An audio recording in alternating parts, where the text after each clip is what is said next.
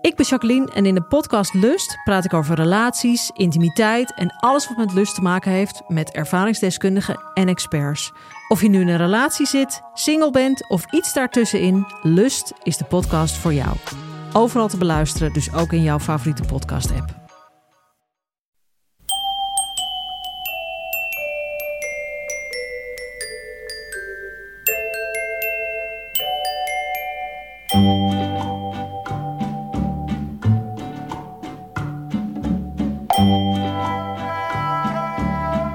Welkom bij aflevering 344 van Echt Gebeurd. De podcast waarin mensen hun eigen waargebeurde verhalen vertellen.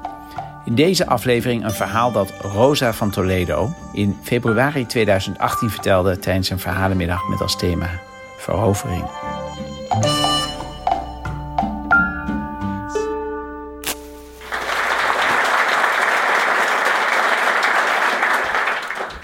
Het was uh, augustus 2009 en uh, ik stond met mijn backpack op JFK Airport, John F. Kennedy Airport in New York.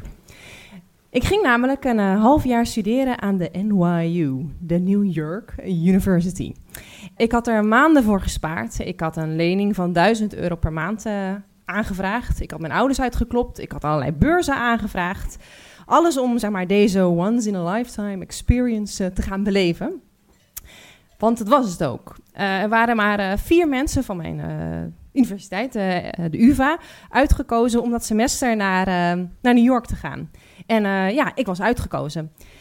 Eerlijk gezegd was ik wel een beetje verbaasd dat ik was uitgekozen. Niet omdat ik een hele belabberde student was, maar meer omdat ehm, ja, ik, dat afgelopen jaar was ik somber geweest. Ik uh, was met mijn uh, bachelor theaterwetenschappen klaar en uh, ik was, wilde aanvankelijk het theater in. maar ja, het theater was niet helemaal de plek voor mij, had ik ontdekt.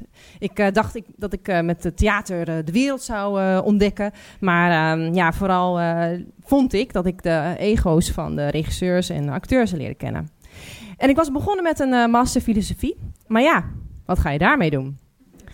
Maar goed, ik was wel uitgekozen. New York lag voor mij een half jaar. The City of Dreams. Dus ik dacht, nou ja, misschien heeft deze stad wel een antwoord op mijn vraag. De volgende dagen kocht ik een uh, fiets, een nieuwe telefoon en een uh, computer. En uh, een kaart. Want ik fietste heel New York door. Van Williamsburg naar Harlem en weer terug naar downtown. En van downtown naar Brooklyn. Omdat ik op zoek ging naar een huis. Ik had namelijk de NYU Housing for Exchange Students had ik afgeslagen. Ik wilde namelijk echt als een uh, New Yorker onder de New Yorkers gaan wonen. Na een aantal dagen, anderhalve week, vond ik ook een uh, huis in een, ja, zo'n cool appartement in Brooklyn. Met van die trappen aan de zijkant. Een kamertje van ongeveer 10 vierkante meter. Met een bed, een kastje en een bureau. Voor 750 dollar pretty good deal. Ik had nog twee weken voordat mijn colleges zouden beginnen. En uh, ik dacht, ik ga me ook helemaal uh, aanpassen aan de New Yorkse levensstijl. Dus ik kocht een nieuwe garderobe, sneakers, een jasje, een soort coole sjaaltjes. En um, ja, ging ook eten als een New Yorker. Dus eigenlijk gewoon helemaal niet meer koken thuis. Gewoon, hoppa, uit eten. En um, toen de colleges ook begonnen, schreef ik me ook uit bij de vakken van filosofie. En schreef me in voor vakken over New York. Dus New Yorkse performancekunst, New Yorkse stedenbouwkundige dingen, toestanden. En uh, mijn colleges konden beginnen. En ik kwam in klassen terecht met Amerikaanse en internationale studenten. Maar deze studenten waren loei ambitieus. Ze hadden 30.000 dollar betaald om een semester uh, mee te kunnen doen aan, uh, aan de NYU. Ze waren mondig, ze konden heel goed public speaking doen. En ze studeerden ook elke dag in de uh, bibliotheek, de NYU Library aan Washington Square Park.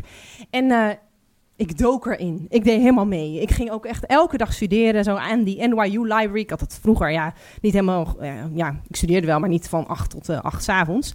En, maar nu wel. En uh, in de, in, tijdens de lunchpauzes ging ik op de NYU, zeg maar bij het Washington Square Park, had je allerlei muzikanten. En daar zaten die studenten ook allemaal omheen te, te eten met allerlei lekkere dingetjes, sushi en weet ik veel, India's allemaal. En daarna gingen ze weer terug naar de bibliotheek. En op een van die middagen um, sprak een jongen mij aan. Ik was aan het studeren en uh, hij klopte zeg maar, uh, mij aan en hij zei... Um, hey, of ik, do you want something to drink? En ik zei eerst van, ah nee. Maar had net namelijk ook een andere jongen mij gevraagd in hetzelfde kabinetje. En toen had ik ook al gezegd nee.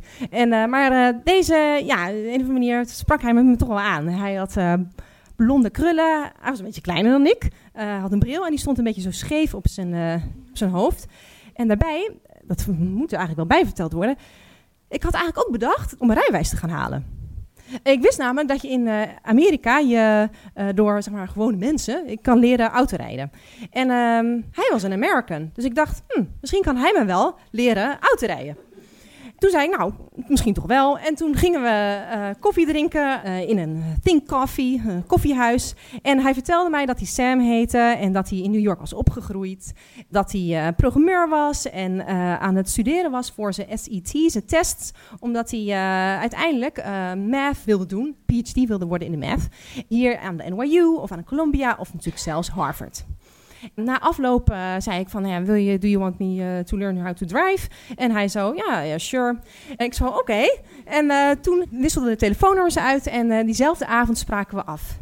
Hij had natuurlijk duidelijk andere intenties dan mij te leren autorijden. Dus die avond zoende hij mij. En um, de volgende dagen spraken we steeds vaker af. Um, ik vroeg wel elke keer van, uh, are we going to uh, drive? Um, maar toen zei hij, ja, uh, yeah, nou, the car is at my mom's place. Or, no, it's at the garage. en nou, in plaats daarvan gingen we in allerlei koffietentjes wat drinken. We gingen naar Central Park. Hij nam maar allerlei mee naar exotische restaurants. Vietnamees, een soort, wat is het, van die noodles in Chinatown. En... elke keer uh, liepen we door die straatjes van Soho en uh, op een gegeven moment pakte hij ook mijn hand beet. En um, toen dacht ik, kijk mij nou, kijk mij nou. Lopend door New York. En het voelde alsof ik een soort in een film liep. En ik, ja, ik had mijn eigen Woody Allen eigenlijk aan de haak geslagen. En ik was een soort Diane Keaton. En ik kreeg ook visioenen van, oh, als we dan later hier blijven wonen, dan ja, is hij ja, professor hier aan de NYU. En ik, uh, ik ben iets, waarschijnlijk iets artsy-fartsy-achtig. En um, nou ja, het werd november, het werd december. Um, we, ik ging mee met Sam naar een um, buitenhuisje in het noorden van, uh, New, van New York. Ik haalde mijn tests met A's en uh, de feestdagen kwamen eraan. New Year's Eve. En het was pas begin januari dat ik ontdekte dat ik over drie weken weer terug naar Amsterdam ging. Sam was inmiddels uh, weg. Hij was uh, met zijn familie uh, naar het noorden van Amerika skiën. En ik was alleen in New York. 30 januari zou mijn vliegtuig gaan vertrekken.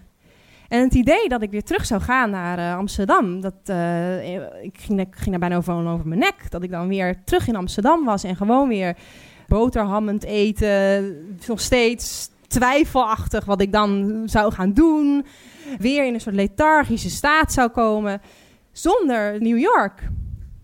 En ik ben gaan solliciteren in koffiehuisjes. Uh, ik heb een soort Franse ambassade aangeschreven. Ik dacht misschien een Europeaan, dat ze dan mij toch willen. Uh, maar nee, natuurlijk niet. Niemand wilde een visum betalen voor mij. En uh, ja, uiteindelijk 30 januari nam de KLM en vloog ik terug naar Amsterdam. En toen we gingen landen, dan, uh, ja, het vliegtuig maakte altijd zo'n bocht, zo'n soort draai zeg maar, over de stad. En ik zat naast het raampje en ik, en ik kon zo uh, onder mij Amsterdam zien liggen en de slootjes en die weilanden. En het was grijs en grauw en ik kon, ik kon huilen. En ik heb het raampje dicht gedaan, dus maar dat dingetje zo naar beneden. En uh, op Schiphol stond mijn moeder te wachten, want uh, mijn moeder nam mij mee naar haar huis. Want uh, mijn huis was nog onderverhuurd en ik moest uh, drie weken bij haar wonen. En ja, het was precies zoals ik had gedacht. De colleges begonnen weer. Ik, ik, moest mijn vakken filosofie halen, want ja, ik had niks gevolgd, zeg maar, qua filosofie in New York. En nou, belangrijk, ik moest aan mijn scriptie beginnen. Het was echt precies zoals ik dus had bedacht. Ik kwam ook weer in een lethargische toestand terecht. Uh, ik keek uh, in plaats van zeg maar naar uh, mijn scriptie, dacht ik vooral na over het weer in New York. Je, op je app kijken van welk weer het in New York is op dit moment. Ik ging op de New York Times kijken van wat voor interessante dingen er wel niet in New York zouden zijn. Um, er was gelukkig wel één lichtpuntje. Want ik had uh, op de laatste avond dat ik uh, met Sam samen was, had ik hem op zijn hart laten promissen dat hij naar Europa zou komen, dat hij mij zou opzoeken. En uh, begin van de zomer haalde ik hem op van Schiphol. En met hem kwam New York weer terug. We konden weer American praten. Uh, we gingen ook op American op vakantie. Ik had inmiddels mijn rijbewijs gehaald. En we reden wel 3000 kilometer zo wappa door Europa heen. We gingen uit eten. En ik was zo ontzettend blij. Ik boekte daardoor ook gelijk een ticket naar... Um, uh, in het najaar weer voor opnieuw naar New York. En uh, ook al wist ik dat uh, Sam intussen met andere vrouwen naar bed was gegaan. En ja, hij eigenlijk ook gewoon geen long distance relationship wilde. Maar goed, het werd uh, november. 1 november ging ik weer uh, op weg naar New York, vloog ik daar naartoe. Maar toen ik in New York aankwam, ja, was de situatie klein beetje veranderd. Sam had zijn tests niet gehaald. Of tenminste, niet zo goed dat hij naar NYU, Columbia of laat staan Harvard uh, zou kunnen gaan. Dus toen hij me ophaalde, reden we niet naar New York. We namen een turn op de highway. Want Sam was namelijk aangenomen, wel bij een universiteit, maar het was Lehigh University in Bethlehem, Pennsylvania. Bethlehem is een uh, oude staalstad. Het enige zeg maar, koffietentje dat je daar kan vinden is een American Pizza House. Uh, met van die schermen, weet je wel, met uh, muziek aan de muur.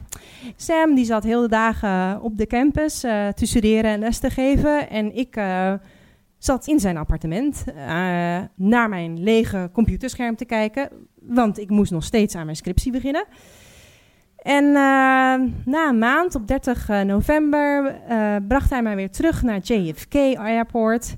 Hij zei niks, ik zei niks. En toen we uitstapten, zei ik van... Ja, but you're coming, hè? In the new year, you're coming. En hij zei, yeah, yeah, sure. En na drie weken skypten we. En hij zei dat he wasn't planning to come anymore. Ja, wat dan? Ik had geen geld meer. Ik had een hele hoge studieschuld. En uh, ik was eigenlijk nog steeds even tobberig als altijd. Mijn uh, scriptiebegeleider die, uh, zette me in een klasje voor moeilijke studenten, moeilijke scriptiestudenten. En iedere week moest ik iets inleveren en voorlezen, ook aan de andere studenten. Ik nam een baantje op de markt, kaas verkopen aan juppen en toeristen.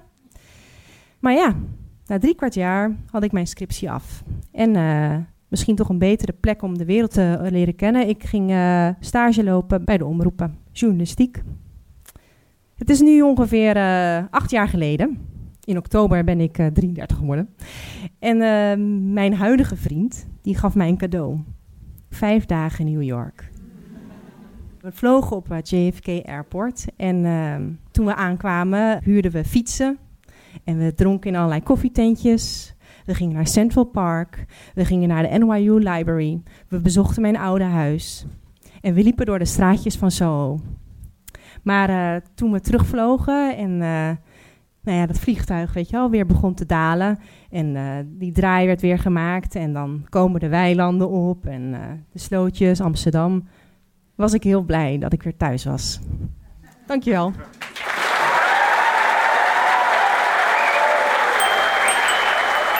Je hoorde een verhaal van Rosa van Toledo. Rosa was zeven jaar lang redacteur van Echt Gebeurd.